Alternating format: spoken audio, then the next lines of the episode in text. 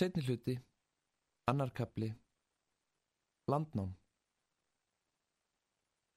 Á sama hátt og fjallkirkjan eigur skilningvorn á verkum Gunnars Gunnarssonar á tímabilinu 1911 til 1922 eins verða þau verk oss að miklu gagni þegar metin er staða fjallkirkjunar á skaldferðli höfundar. Við sjáum í þeim hvernig bernskur einsla hans skýtur upp kollinum hvað eftir annað í þrálátum endurminningum og vandamálum sem hann á örðugt með að finna lausn á. Tilgangur lífsins er honum hugstæðari en allt annað og þáttaka trúar, ástar og mannkærleika í þeim hringleik verður honum ásækið umhugsunar efni. Hvað eftir annað reynir höfundur að kryfja sjálfan sig til merkjar og finna kjarna sjálfsins en alltaf veru vandamálinn honum of náleg til þess að verulegur árangur náist. Í drengnum er hann að vísu komin mjög nálagt lausninni, eins og næsta saga hans, fórstbræður ber vitni um. En í þeim tveim verkum er þar fara á eftir lokast hringurinn utanum hann aftur. Og svo kemur loka átækið með hennu unaðslega verki fjallkirkjunni. Þar er allri sviðsetningu fleikt. Höfundur leifir fortíð sinni að streyma fram eins og hún endur speklast í nútíðinni. Fylkingar liðina ástmenna og samferðamanna að rýsa upp úr gröfum sínum. Uggi Greipsson endur lifir sjálfan sig og landið í kringum sig. Og áður en varir eru öll hinn torlistu heimsbyggilu vandamál liðin burt á vangjum vindana. Uggi Greipsson finnur loks sjálfan sig í samruna náttúru og mannlífs. Kossar selju verða ekki einungis allot döðlegrar veru, heldur voru þeir gegnteknir hinnum sama jarðaranda og rauk gróðrarmold eða dögvaði runnar áður en lauf er sprottið úr limi. Sannarlega er lærdómsrikt að kynast því hvernig Gunnar Gunnarsson stýgur jöfnum skrefum í átt til skáld fræðar og sér í lagi hvaða aðferðum hann beitir til þess að auka listmanns þrótt sinn og losa sig við allar innri tálmannir.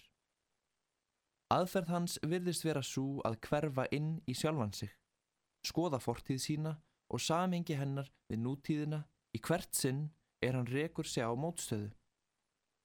Og ekki verður annað sagt en árangur svari til erfiðis. Fróðlegt er einni að hugleiða að þessi aðferð Gunnars er í megin atriðum í samræmi við sálfræðilegar kenningar um viðtalslækningar hugsjúkra. Þar er lögð höfuð áhersla á að hinn sjúki kynnist sjálf um sér og taki fortíð sína til gagngerar endur skoðunar. Gertir ráð fyrir að þess áttar könnun styrki persónleika hans og gera hann hæfari til þess að heia lífsbaratu sína, svo hann þurfi ekki að flýja á náðir sjúkdóms engjana. Þetta sama virðist Gunnar hafa gert. Það tók hann að vísu einn 20-30 ár en ekki er það tiltökumál þegar þess er minnst að fæstir ná nokkrum verulegum árangri aðstóðar laust.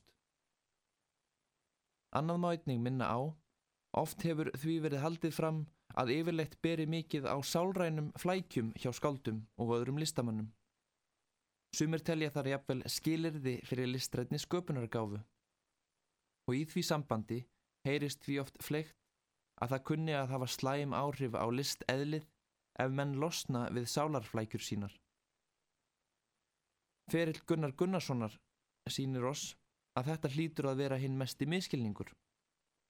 Erfiðleikarnir í bernsku hans urðu honum að vísu megin kvöt til þess að fást við skáldskap. Og skáldskapurinn varði leið hans til þess að sigrast á þeim.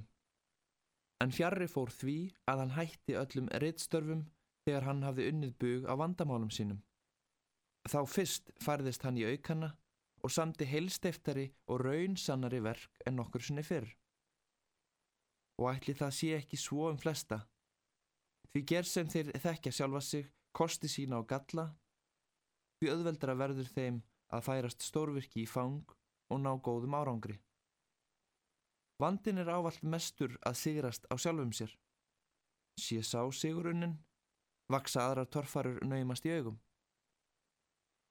Í fyrri hluta þessara rítgerðar var leitað svars í fjallkirkjunni við því hvers vegna Gunnar Gunnarsson varð skáld.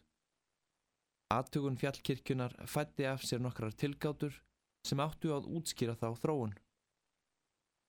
Nú má ljóst vera að gildi þeirra tilgátna stendur mjög eða fellur með því hversu örug heimild fjallkirkjan er um þroskaferil höfundar. Hversu mikið sjálfsæfi sögugildi hefur hún? Tilgangslöst er að reyna að ganga og skugga um það með því að kanna fjallkirkjuna eina. Því hefur svo leið verið farin hér að freysta þess að prófa tilgáturnar með samanburði við nokkur rétt Gunnars sem samin eru á undan fjallkirkjunni. Gera mátti ráð fyrir að þau atvikur bernsku höfundar sem helst höfðu vafist fyrir honum og afdreifaríkust urðu fyrir framtíð hans kemur þar einnig fyrir. Svo varð og raunin á, eins og sjáum á hér að framann. Höfundur fjallar þar mjög um sjálfan sig, ormar, sölvi, skúli, úlfur og atbyrði bernsku sinnar, móðurmissig, lýsing á móðurinni, samband við litla telpu og svo framvegis, föðu sinn og bróður. Í öllum megin atriðum ber þessum frásögnum og lýsingum mjög vel saman við fjallkirkjuna. Frávik þau sem uppkoma skipta ekki verulegu máli. Sumstæðar veita þau fyllri skýringar og skála ég átað að þeim hefði mátt gefa mun meiri gaum en hér hefur verið gert. En um heildar niðurstöður breyta þau öngu. Þau sína oss engum að líklega hefur Gunnar málað fortíð sína full sterkum litum í fjallkirkjunni.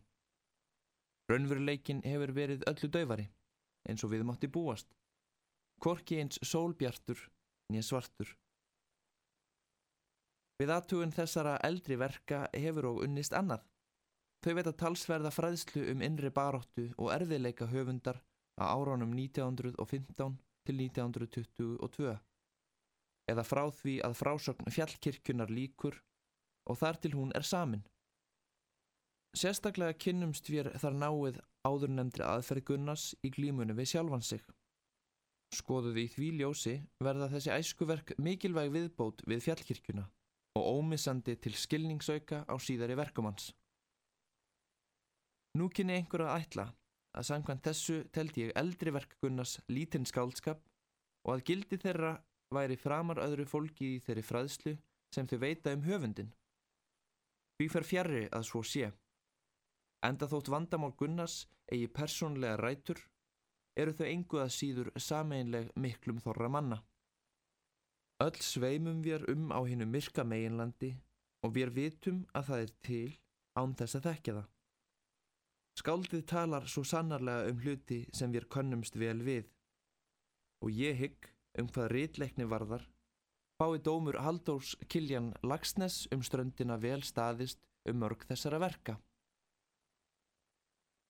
Ég get hugsað að ströndin megi kallast eina af þeim bókum sem eru kvorki vel en ég eitla skrifaðar, fremur en til dæmis Dostojevskis eða Dræsers. Er þá ekki leiðum að líkjast?